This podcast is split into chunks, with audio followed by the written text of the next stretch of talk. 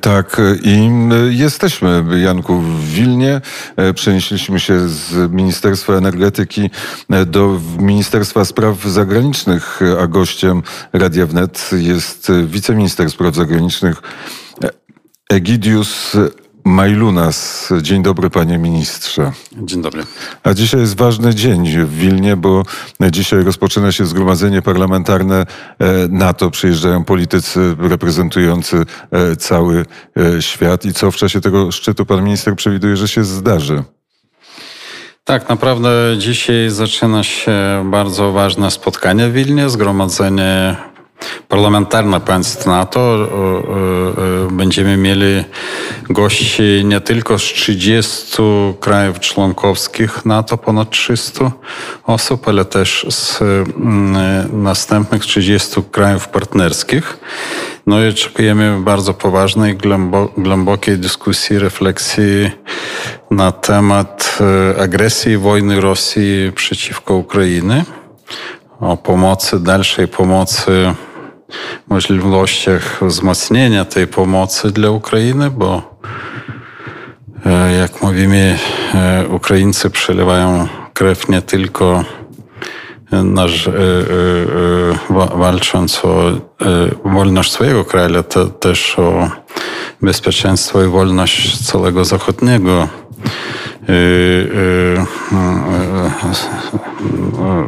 całej zachodniej wspólnoty. No, także oczekujemy e, dyskusji na temat e, rewizji koncepcji e, NATO, bo jak wiadomo pod koniec czerwca odbędzie się mm, szczyt państw członkowskich NATO w Madrydzie, na którym mm, oczekujemy, że zostanie przyjęta mm, odnowiona koncepcja strategiczna y, tego, tego sojuszu. To zaraz, panie ministrze, byśmy o tej odnowionej koncepcji madryckiej powiedzieli, ale najpierw o rezerwach.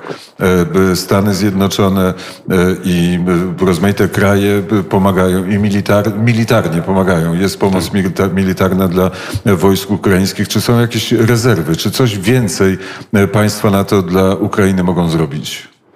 To oczywiście zawsze można zrobić e, e, więcej, bo tak jak słyszymy, co nasi partnerzy, bracia Ukraińcy mówią, że ciągle im brakuje szczególnie ciężkiego sprzętu. Ja słyszałem Mm, jak przedstawiciele mm, i prezydent Zelenski mówił o tych dysproporcjach, nazwijmy, że nawet jeżeli porównując technikę wojskową, to jest dysproporcja 1 do 20.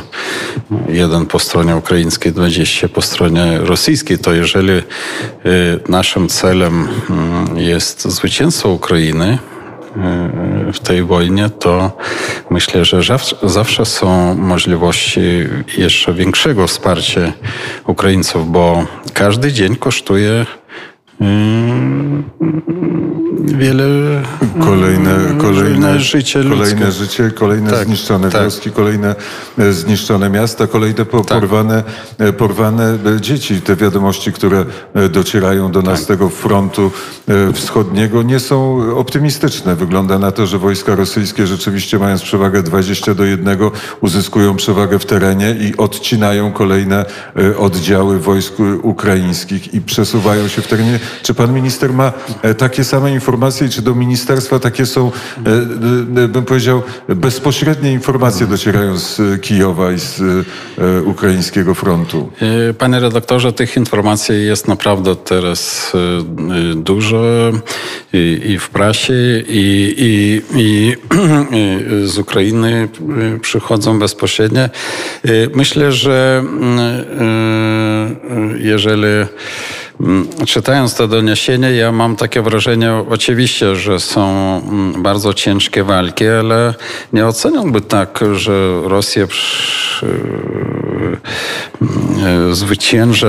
Tam oczywiście zajmuje e, w ostatnich dniach może parę, parę, parę miejscowości, ale z oceny e, samych Ukraińców e, ja nie mam takiego wrażenia, że mają tam jakieś bardzo wielkie osiągnięcie, ale wracając do tej możliwej dodatkowej pomocy, ze strony partnerów dla Ukrainy, to tylko chciałem powiedzieć, że, że, że nas, nasze państwo Litwa też zdecydowało się o kolejne dostawy sprzętu wojskowego i też chciałem po, powiedzieć, poinformować o takiej pięknej in, inicjatywie społeczeństwa litewskiego. Jeden, e, jedna znana e, osoba, szef telewizji Wolności, Andrzej Stapinas, razem z kolegami podjął się takiej inicjatywy zabrać środki finansowe na zakupienie Bayraktaru, tego dronu jednego. To jest projekt wartości 5 milionów euro i w ciągu dwóch dniach już mamy połowę tej sumy. Ludzie po prostu, nawet dzieci swoje kieszonkowe oferują na, na, na ten cel i myślę, że właśnie takie, takie inicjatywy, projekty, projekty społeczne, które wychodzą nawet nie ze struktur państwowych, instytucji państwowych, ale ze samych społeczeństw, to są bardzo ważne jako znak solidarności dla walczącej Ukrainy. Tych, tych znaków solidarności dużo e, widzimy oczywiście w Wilnie, tak jak i w innych e, państwach e, europejskich. Wchodząc nawet do gabinetu pana ministra wisi flaga Ukrainy, w gabinecie ministra energetyki w oknie wisi flaga ukraińska. Jest, czuje się to litewskie zaangażowanie i też ten litewski jeśli można tak powiedzieć, znak zapytania, tak? bo mamy obwód kaliningradzki, mamy e, granicę z Białorusią, długą e, litewsko, litewsko-białoruską granicę. Co z tym, panie ministrze, czy też to będzie przedmiot rozmów w czasie choćby tego spotkania parlamentarnego NATO? Tak, oczywiście będą rozmawiać parlamentarzyści na ten temat, ale jeszcze wracając o Solidarność, na temat Solidarności i pomocy dla Ukrainy, to tutaj korzystając z okazji chciałem też powiedzieć, że mm, e, e, z wielkim szacunkiem też mm, e, oceniamy ogromną, ogromny wkład Polski, polskiego społeczeństwa i, i mm, pomocy militarnej, sprzętem, ale też humanitarnej uchodźcy z, z Ukrainy, Także i ostatnia wizyta mm, prezydenta Dudy w Kijowie i wystąpienia przed parlamentem to był taki znaczącym wydarzeniem.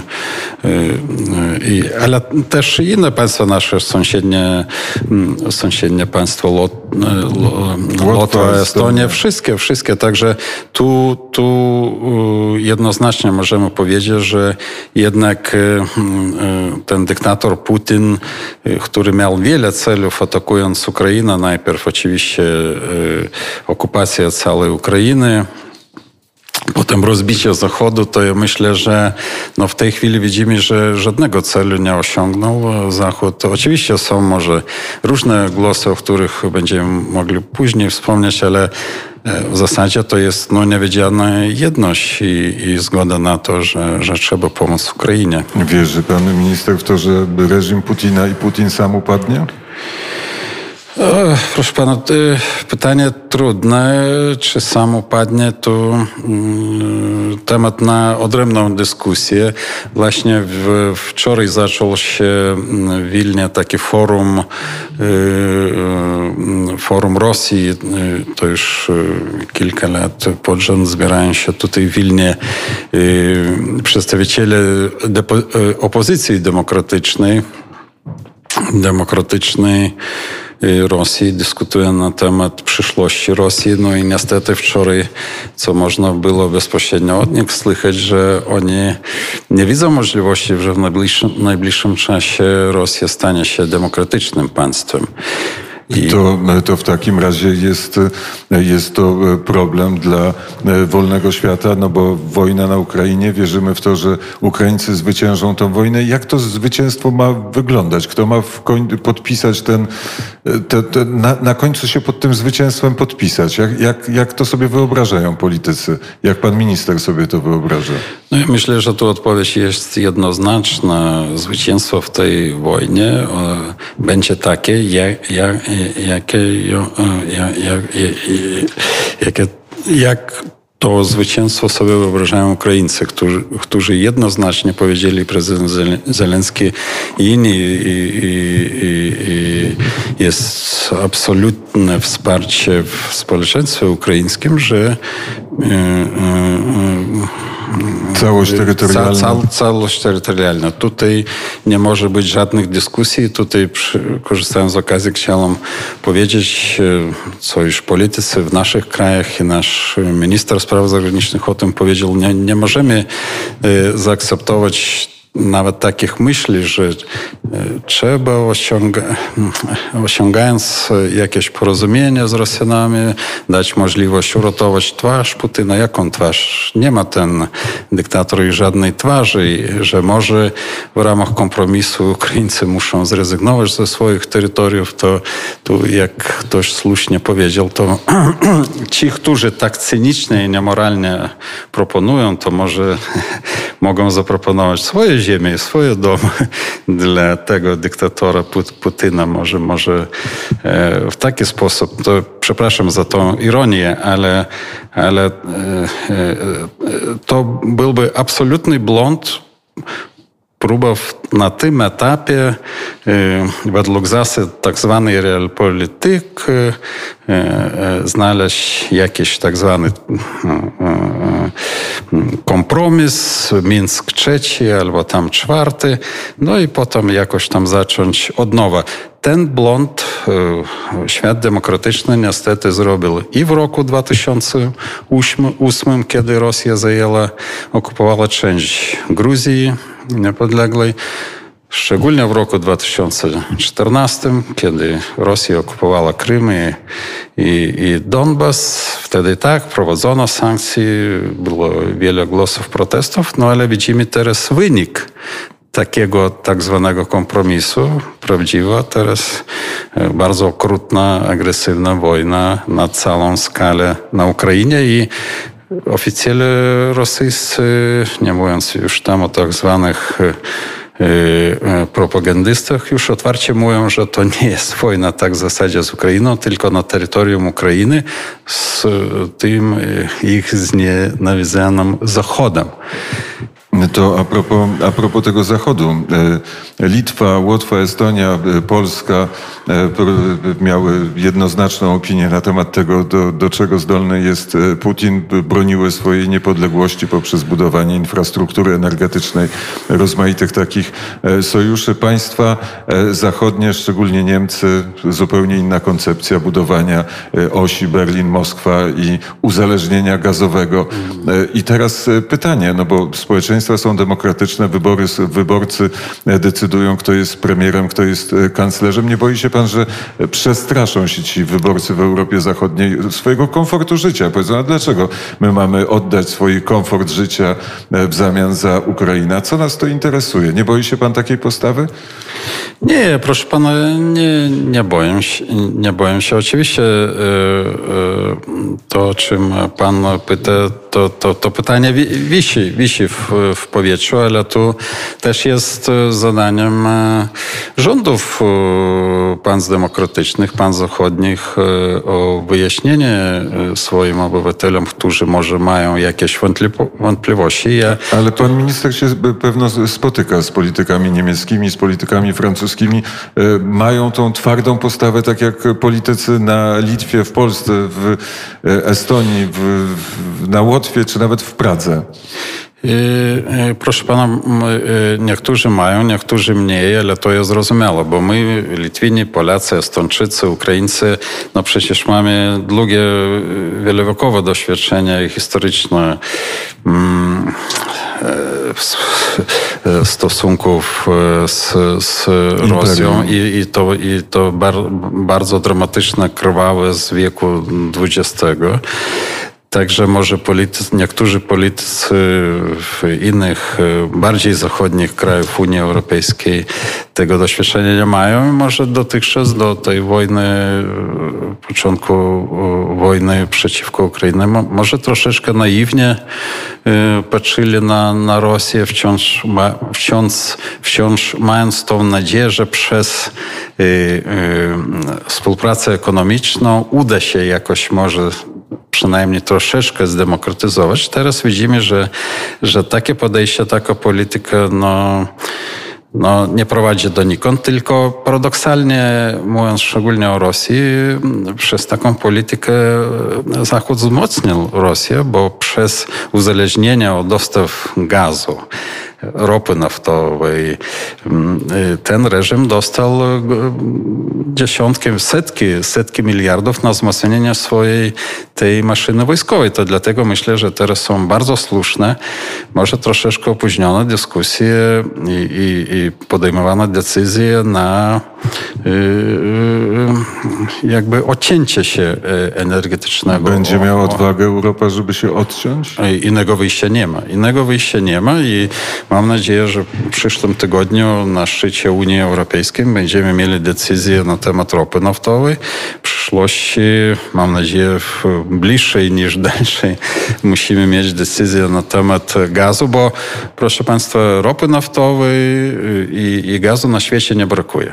Są inni dostawcy, tylko mm, y, przez wiele lat y, konstruowano e, taki system, no bo Rosja jest bliżej, może troszeczkę taniej i to oczywiście była też taka specjalna polityka e, reżimu Putina, żeby uzależnić. Ale teraz ja widzę, że jak to mówi się takie, no, naprawdę już nastąpili strategiczne zmiany w myśleniu i takich państw jak Niemcy, Francja i inni, którzy duże ilości, stosunkowo duże ilości tej ropy e, e, rosyjskiej albo gazu importowali. To przecież teraz rozpoczęła się budowa tych mm, jakby możliwości dostaw LNG ja myślę, że to może jeszcze potrwa parę dobrych lat, ale mm, wynik będzie taki, że dramatycznie zmniejszy e, Unia Europejska albo poszczególne państwa członkowskie, pójdą po prostu e, e, tym przykładem litewskim, polskim, zbudują swoje nowe terminale i nie, nie będą już uzależnieni od dostaw z Rosji. A panie ministrze, co, co pan pomyślał wtedy, kiedy dowiedział się pan o tym, co zdarzyło się w Buczy, czy też zobaczył zdjęcia z Mariupola?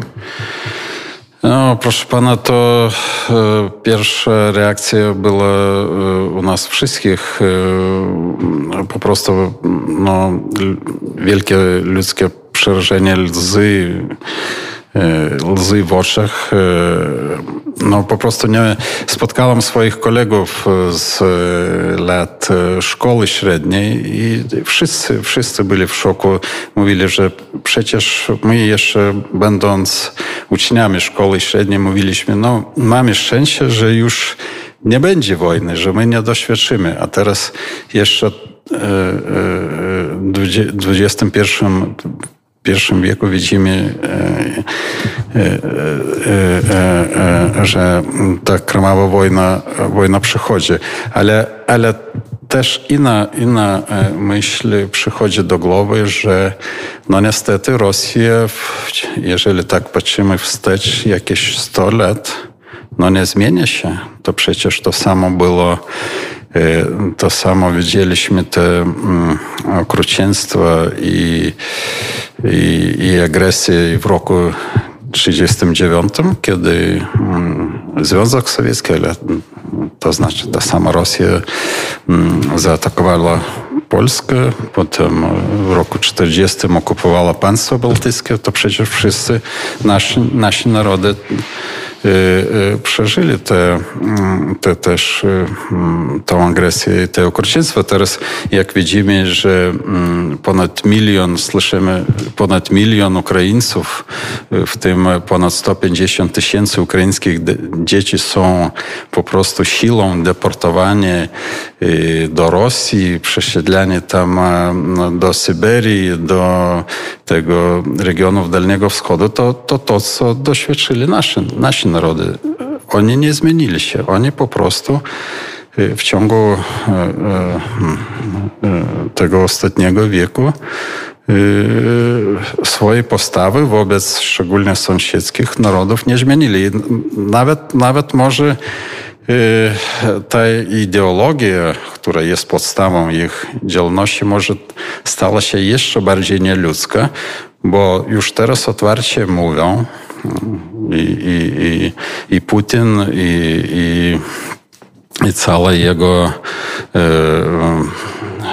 nazwijmy to banda tych doradców i ministrów, że na przykład Ukraina albo Ukraińcy to jako państwo, jako naród nie mają prawa istnieć. To, to ta ideologia po prostu musi być zabroniona, bo jeżeli 嗯 jeżeli tego nie osiągniemy, to będziemy mieli problem jeszcze na długie dziesięciolecia w przyszłości. Nie wiemy, co ten problem oznacza dla Litwy, dla Polski, dla krajów bałtyckich i w ogóle dla całej Europy możliwość, i o tym mówią rosyjscy politycy, możliwość użycia wszelkiego rodzaju broni, gdyby zaszła e, taka, e, taka potrzeba. Ale wróćmy na chwilę do, e, do wileńskiego spotkania parlamentarzystów. Tu przyjadą parlamentarzyści z Turcji. Czy myśli pan minister, że uda się przekonać Turcję do tego, żeby nie postawiła weta przy rozszerzeniu NATO o Finlandię i Szwecję? Proszę pana, ja powiem tak, e, mm, e, jeżeli mówimy o, o nas o, jako świecie demokratycznym, e, Unia Europejska to jedna, jedna Unia bardziej ekonomiczna, albo NATO jako Unia, organizacja jednoczące demokratyczne państwo pod, państwo pod względem wojskowym i, i obronnym, to właśnie nie musimy obawiać się mm, dyskusji między nami. Jeżeli powstają jakieś pytania, to przez dialog, przez dyskusję możemy rozwiązać, dlatego ja y, patrzę optymi, optymistycznie. Że będzie Finlandia i Szwecja przystąpi tak, do NATO. Tak, na pewno, bo, bo wszyscy rozumieją, że członkostwo y, takich państw jak Finlandia albo Szwecja to wzmocni nie tylko te dwa państwa, ale wzmocni bezpieczeństwo w naszym regionie. To, to, to, to e, e, absolutnie jasne, ale też wzmocni cały, cały sojusz NATO. To te, też e, jest jasne I, i, i Turcja będzie silniejsza, jeżeli Finlandia i Szwecja dołączy do tego aliansu. Także Oczywiście jakieś tam powstające pytania muszą być rozwiązane, ale ja, ja byłbym bardziej, bardziej optymistyczny. Jeżeli pan redaktor pozwoli, jeszcze chciałbym wrócić do tego wątku tej ideologii. Ona teraz w Rosji jest nazywana e, mm, ruski mir, to e, e, w języku rosyjskim, e, czyli oznacza że, że, że, że, że Rosja, naród rosyjski jest ponad wszystko. I niektórzy, szczególnie politycy w krajach zachodnich, myślą, że to jest jakaś wymyślona ideologia przez Putina. Jeżeli, jak pan redaktor zadał pytanie, jeżeli zmieni się, ktoś zajmie miejsce Putina, albo ten reżim zmieni się, wszystko będzie dobrze. To ja tutaj chciałem wspomnieć taką historię sprzed 30 lat. W roku 1992 mm, e, e, państwowa, państwowa dru, e, drukarnia w Rosji wydała taki podręcznik dla szkół wyższych wojskowych w Rosji pod tytułem Zasady geopolityki. Autorem te, tego podręcznika był taki profesor Aleksander Dugin.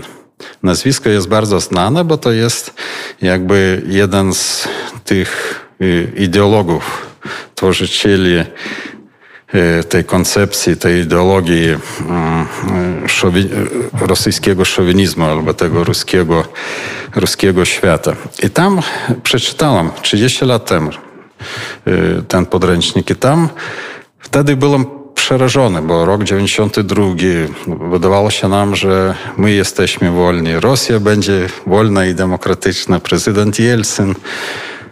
I tam było napisane, po pierwsze, że Rosja musi ponownie stać się imperium. Innego wyjścia nie ma. I rozdzielić ten świat pomiędzy trzy albo cztery jakieś mocarstwa e, razem z Rosją muszą podzielić ten świat na, na strefy wpływu. Oczywiście Rosja, imperium e, odnowione, odbudowane imperium rosyjskie musi e, rządzić Europą i częścią Azji. To po pierwsze. Po drugie, jak dzisiaj pamiętam, tam było napisane, że takie państwa jak Polska, Ukraina, Litwa, nawet Finlandia to jest pomyłką historii. Nie mają prawa istnieć. I że będą częścią e, tego imperium rosyjskiego. Widzimy, że te szaleńcze, jak nam wydaje się, myśli tego profesora po prostu są teraz realizowane.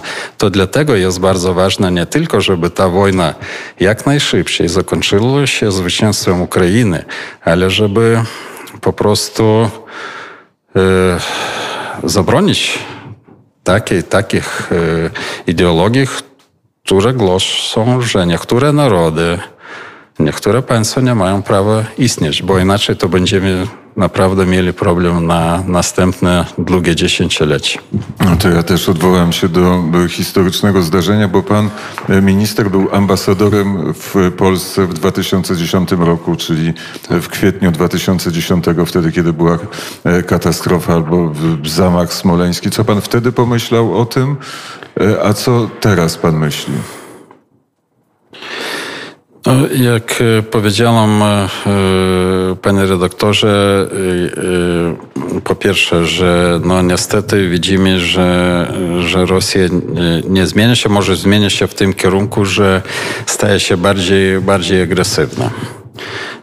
I te ostatnie dziesięciolecie no, jest po prostu E, widzimy nas na, na, na, swoje, swoje oczy. A propos, pan wspomniał, że byłem ambasadory, e, ambasadorem Litwy w Polsce, to właśnie wracając do tej książki, e, tego Aleksandra Dugina, tam też było coś napisane o naszych stosunkach. Cytuję z pamięci, że nam, to znaczy Rosji, jest bardzo niekorzystna, dobra E, współpraca pomiędzy Polską a Litwą, dobrosąsiedzkie stosunki, które on, one budują, także musimy robić wszystko, żeby pokłócić Polskę i Litwę. I przez jakiś czas to się udawało? E, no, trzeba teraz patrząc wstecz e, przyznać, że tak. I teraz nawet inaczej można ocenić, może niektóre tam e, nasze dyskusje albo nieporozumienia, nazwijmy na, tak, na, na które tematy. Także ja nie odrzucam możliwości, że może były, były po prostu sztucznie stworzone i sztucznie podsycane właśnie przez tą trzecią stronę.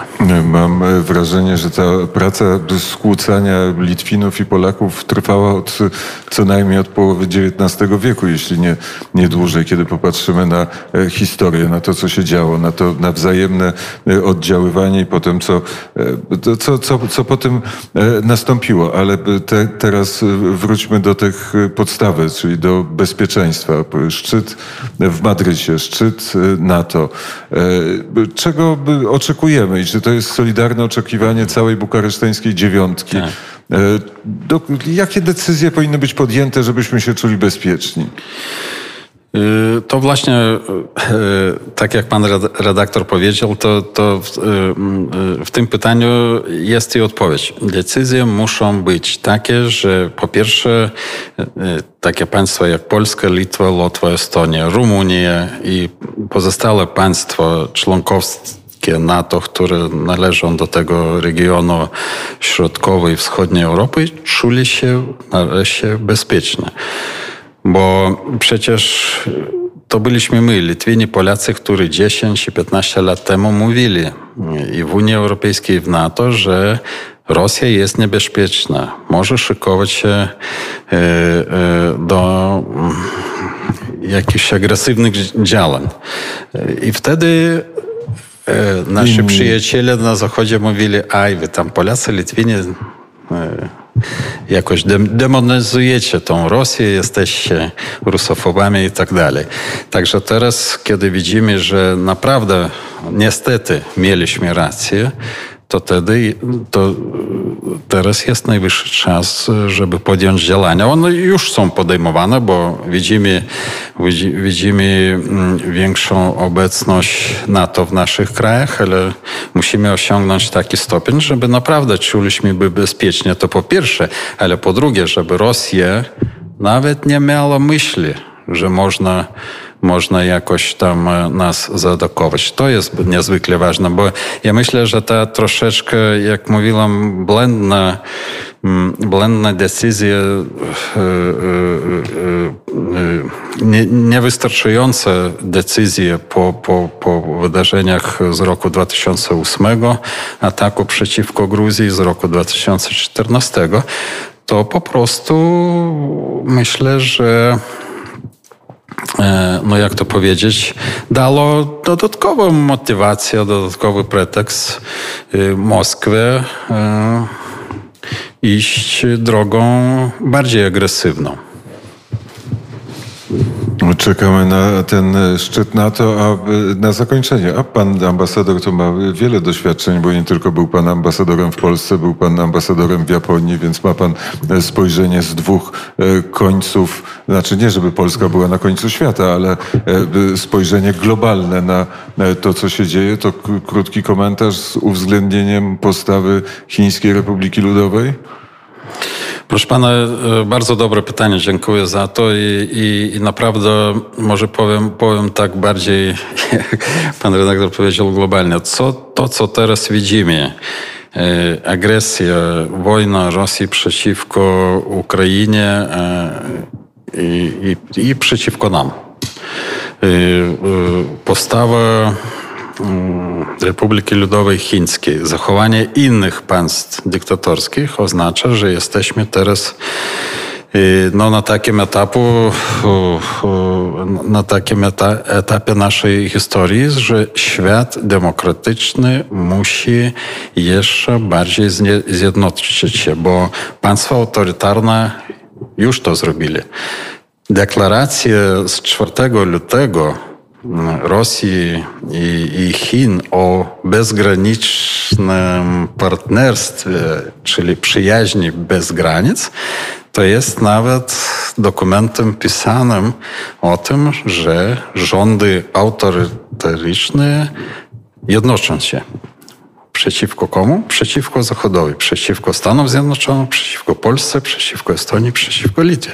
Bo my jesteśmy częścią e, tego e, świata demokratycznego. I tutaj też jest niezwykle ważne pogłębianie współpracy i więzi między Europą i, i Stanami Zjednoczonymi i, i Kanadą, czyli tej więzi transatlantyckiej, bo celem tych rządów autorytarycznych, zarówno Rosji i Chin, oczywiście jest rozbicie tej jedności. Także innej drogi, innego wejścia nie ma. Jak jednoczy się, jednoczy się i, i pan wspomniał o Japonii, ale też inne państwa y, y, tak zwanego Indo-Pacyfiku, Australia, Nowa Zelandia, Korea, y, inne demokratyczne państwa też do tego dołączają się i nawet wzmocnienie więzi, które następuje ostatnio pomiędzy NATO, które jest organizacją obronną tej y, y, y, naszej części, czyli mm, tak zwanej transatlantyckiej, ale też wzmacnia teraz więzi współpracę z tymi państwami demokratycznymi z tej części naszej ziemi, z Indo-Pacyfiku. I myślę, że to, to, to, to, to też jest bardzo ważne. Tak jak ważne jest zagadnienie potencjalnej możliwości głodu w Afryce i w, w innych częściach świata. To oczywiście ten temat e, e, e, potencjalnego głodu, katastrofy humanitarnej jest niezwykle ważny. I tutaj tylko chciałem zwrócić uwagę, kto po pierwsze, z czego to wynika, kto jest winien. To winna jest Rosja, która zaatakowała Ukrainę. I co teraz mówi Rosja, że Zachód jest winny, że po, może powstać głód to, mm, to jeszcze jeden przykład tej, no po prostu, nie wiem jak powiedzieć, e, demagogii, cynizmu e, i, i tu, tu też robimy wszystko, żeby zjednoczyć nasz minister spraw zagranicznych Gabriel Landsberg teraz podjął się takie inicjatywy, żeby zjednoczyć partnerów, zrobić taką koalicję, bo to też musimy być, e, podjąć, e, mm, zająć twardą pozycję, żeby jednak osiągnąć, odrzucając tą rosyjską demagogię, propagandę, zrobić tak, żeby stworzyć te korytarze humanitarne, e, żeby mogli, mogliby Ukraińcy transportować e, ziarno do, do, do, do tych państw. Myślę, że e, no nie ma innego wyjścia, to, to musi, musi udać się. I miejmy nadzieję, że się uda na zakończenie, panie ministrze. Pytanie o rolę Polski w tym wszystkim, o relacje polsko-litewskie. Panie redaktorze, jeżeli chodzi o współpracę polsko-litewską, e, stosunki między Litwą a Polską, to e, myślę, że musimy być dumni, że mamy naprawdę taką świetną współpracę I we wszystkich dziedzinach. I dwa tygodnie temu gościł e, pan minister obrony narodowej polskiej, minister Blasik. Mieli bardzo dobre rozmowy z naszym ministrem obrony kraju panem Anuszowskasem uzgodnili ministrowie, że wzmocnią jeszcze współpracę w tej sferze obronności i, i, i bezpieczeństwa. To tylko jeden taki przykład, że w, kontekście tej wojny przeciwko agresywnej, agresywnej wojny przeciwko Ukrainie wzmacniamy swoją współpracę, bo NATO jako sojusz obronny to to jest niezwykle ważne. Działania w ramach NATO, ale też współpraca bilateralna polsko-litewska albo polsko polsko, nie wiem, estońska, to, to po pierwsze. Jeżeli chodzi o rolę, rolę Polski, to któryś z kolegów E, przypomniał, że bodajże w roku 2009 wydano taką książkę autorstwa takiego znanego amerykańskiego publicysty, politologa Friedmana 100 e, następnych lat, gdzie jest napisane, że właśnie e, na początku XXI wieku on przy, przy, jakby, jakby no, przewidział, że, że Rosja zaatakuje Ukrainę, ale też pisał o tym, że Polska będzie odgrywała bardzo ważną rolę w tym kontekście w Europie i w całym naszym regionie. Myślę, że, że, że mm, miał rację. Mm, panie ministrze, bardzo serdecznie dziękuję za rozmowę. Dziękuję bardzo.